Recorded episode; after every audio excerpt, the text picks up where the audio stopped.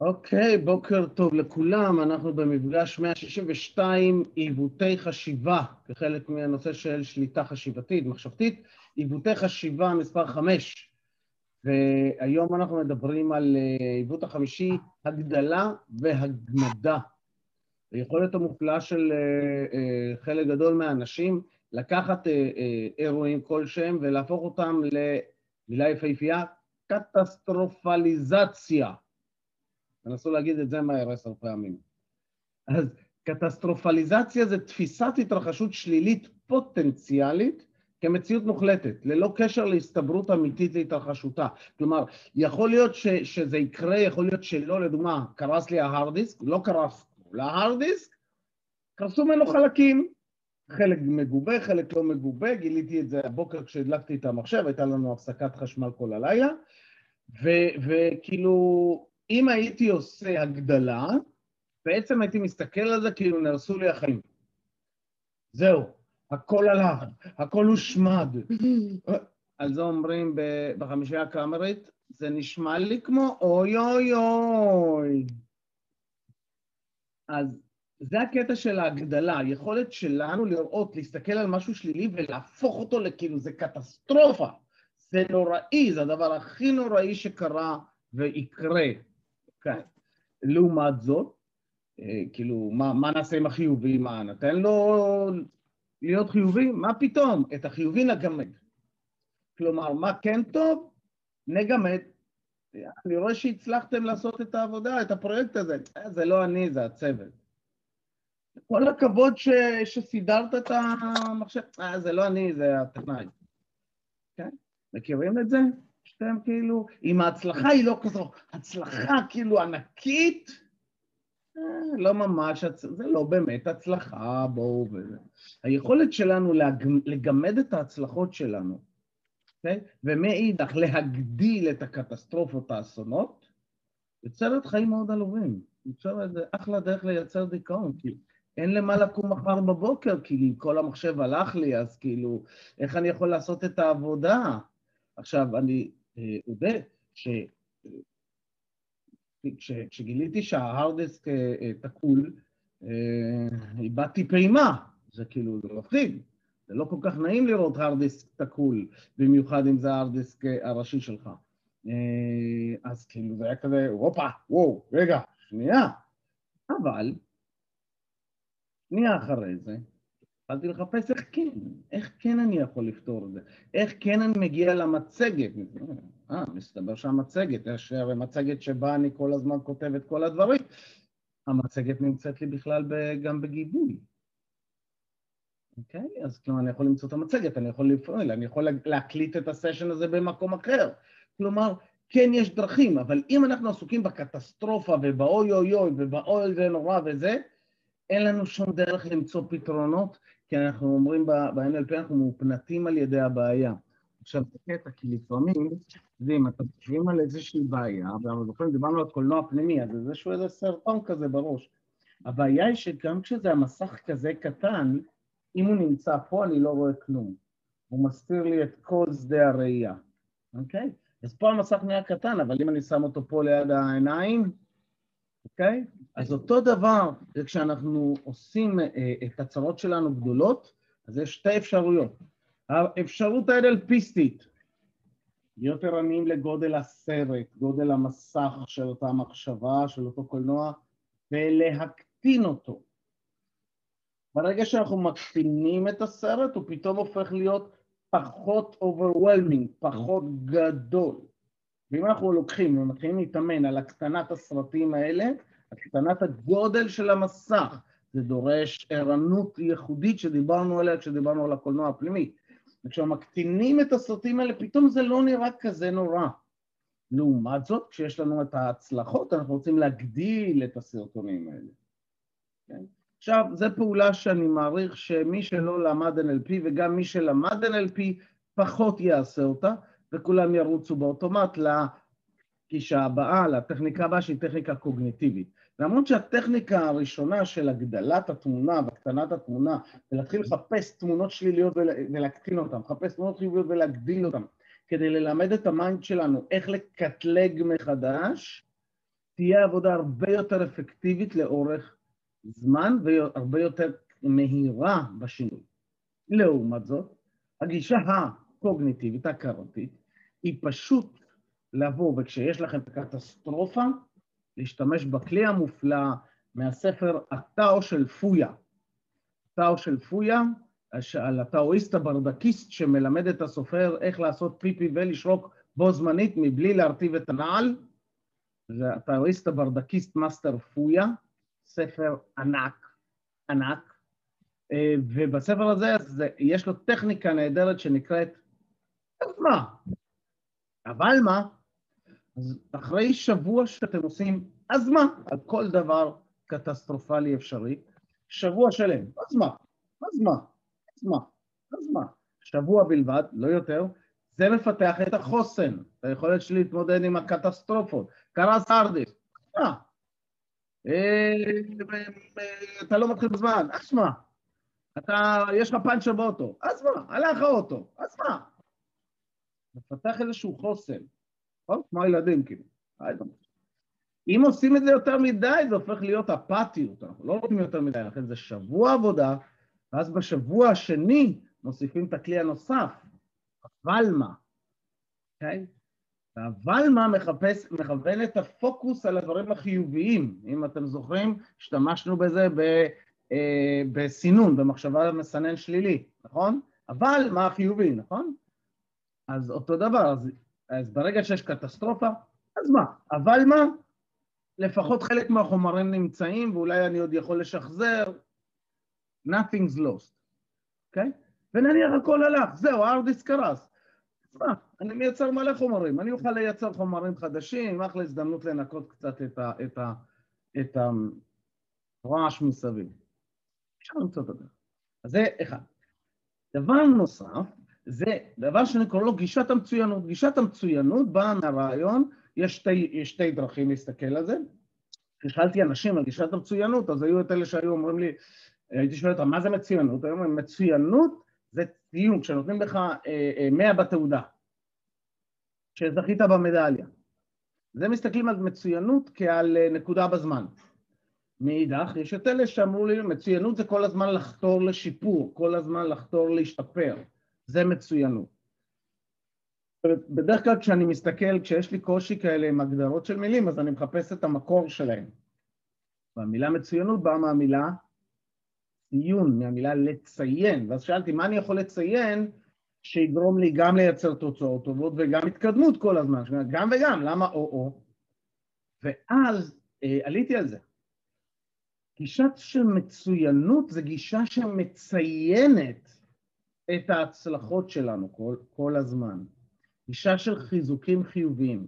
גישת מצוינות זו גישה שמחזקת דרך ציון ההצלחות, דרך חיזוקים חיוביים, אוקיי? זה הרעיון בגישת מצוינות.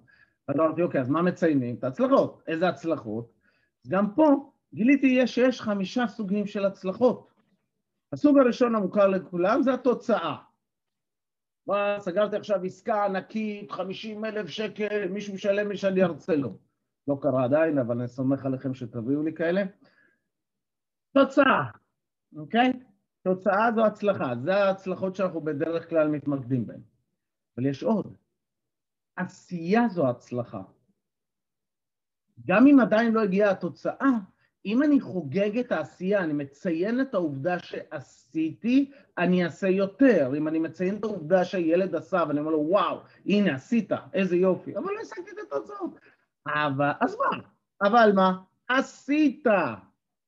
כשהילד יכול להיות אה, אה, לציין לעצמו את העשיות האלה, את ההצלחות של עשייה, הוא יעשה יותר. אם נעשה יותר, יש סיכוי ש... יותר סיכוי שנשיג את התוצאות שאנחנו רוצים.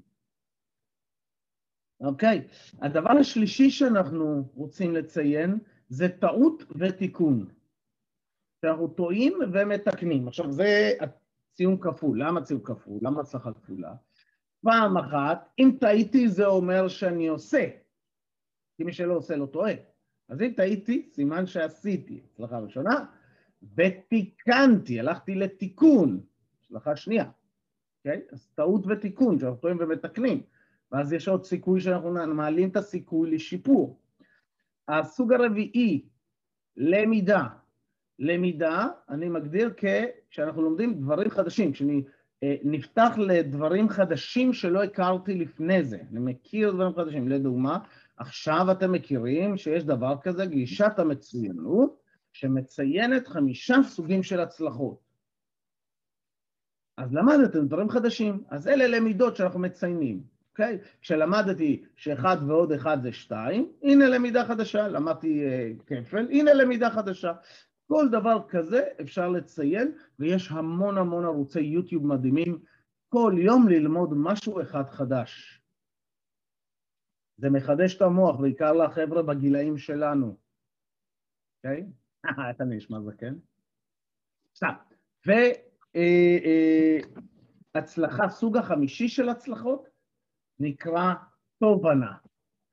תובנה זה כאשר נופל לי אסימון, אני מבין משהו על עצמי, אני לוקח איזשהו לקח של, של שינוי, מה שקרוי באנגלית insight, אוקיי? אז למידה זה כשאני מכיר משהו חדש שלא הכרתי קודם, לומד משהו חדש, תובנה זה כשנופל לי האסימון על עצמי, בסדר?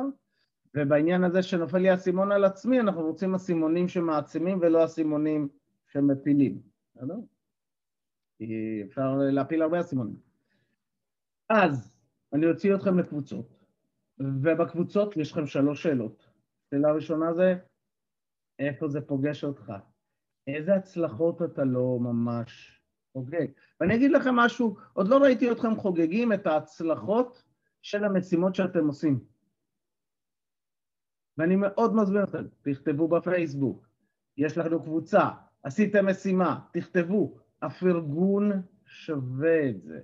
פרגון שתקבלו, אין לכם מושג, כאילו אני אומר את זה לאנשים הרבה פעמים, אבל עד שלא עושים, לא יודעים.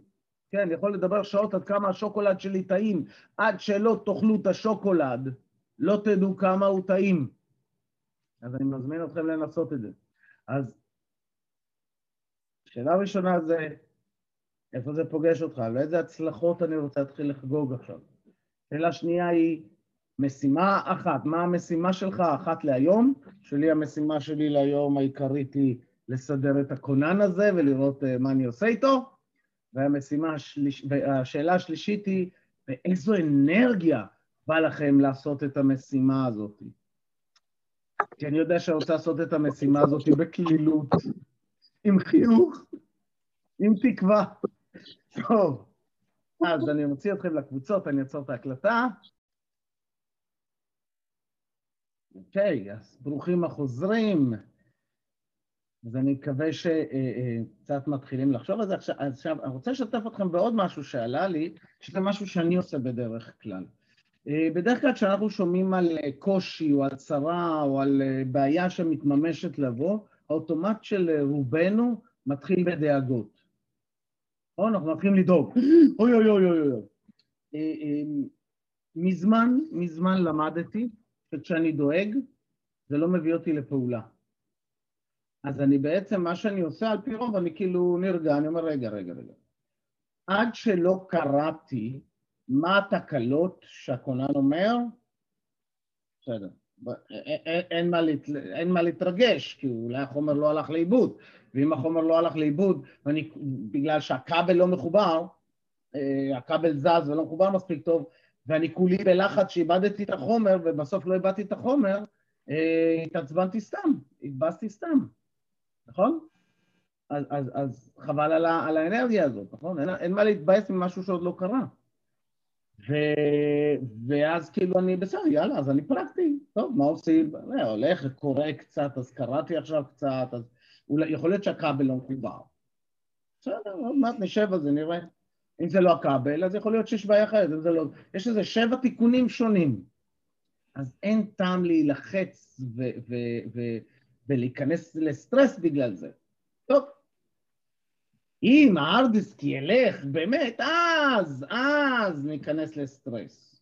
Okay, זה כמו, אתם מכירים, שהילד מגיע, לא מגיע, הילד צריך להגיע מבית ספר, והוא מאחר, ואנחנו מתקשרים אליו והטלפון לא, לא זמין, ואנחנו מתקשרים לחברים שלו ואף אחד לא יודע איפה הוא, אין טעם עדיין להילחץ, נכון? אנשים מיד נלחצים, קרה לו משהו רע.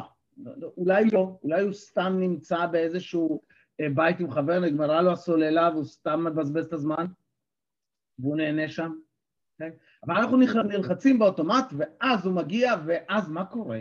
יש לנו הנחת רווחה, הכל בסדר, ומיד כעס עצום, שהוא לא הודיע לנו שהיינו לחוצים, ואנחנו כועסים עליו על המחיר שאנחנו שילמנו מהלחץ שאנחנו יצרנו לעצמנו. הוא משלם את המחיר הזה שאנחנו יצרנו לעצמנו לחץ. אתה יודע מה עשית לי? אתה יודע איך ישבתי, דאגתי כל הלילה עד שהגעת? אתה... ודאגתי לחינם, אז אני גם מתעצבן על זה שדאגתי לחינם. אתם מבינים כאילו כמה אבסורדי זה? Okay? אוקיי? אז אם אני אשמע שבאמת הייתה לו תאונה, אוקיי, אז אין לי מה להילחץ עד שאני אגיע לראות מה קרה לו. טוב, בוא נניח חס וחלילה, קרה לו משהו נפצע, אין לי מה להילחץ עד הרגע שאני אמצא, אני אבין מה הקושי, אתם מבינים? וכבר, אני יודע כבר מה קרה לו, אז עכשיו גם אין טעם להילחץ, אני אתמודד, נתמודד עם מה שיש. כלומר, הדרך שלנו לייצר את היציבות הרגשית הזאת היא נמצאת שם, היא, בקצות האצבעות שלנו, ועניין של הרגלים ואוטומטים. זה אומר, כי, כי למדנו להתנהג ככה, אפשר ללמוד להתנהג אחרת. אחלה. יאללה, סיום סיומת, שבו ישר בכיסאות שלכם, אל תשלבו ידיים, אל תשלבו רגליים, שימו רגליים לפלט על הרצפה, ראש חזה אגן מיושרים, אחד מעל השני. ואנחנו נשתיק פה את כולם. נעצום עיניים וניקח שאיפה של האנרגיה של היום אל האגן. נחזיק אותה ונראה איך אנחנו מתחברים למרכז ונוציא. שאיפה שנייה על כפות הרגליים. מחזיק ונוציא. ושאיפה שלישית אל מרכז כדור הארץ.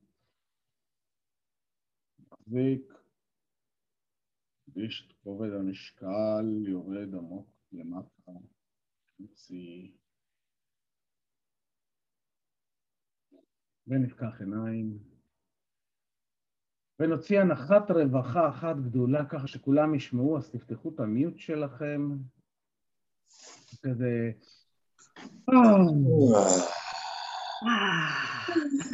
הנחת רווחה תמיד ממלאה אותנו באוקסיטוצינים, אז טוב.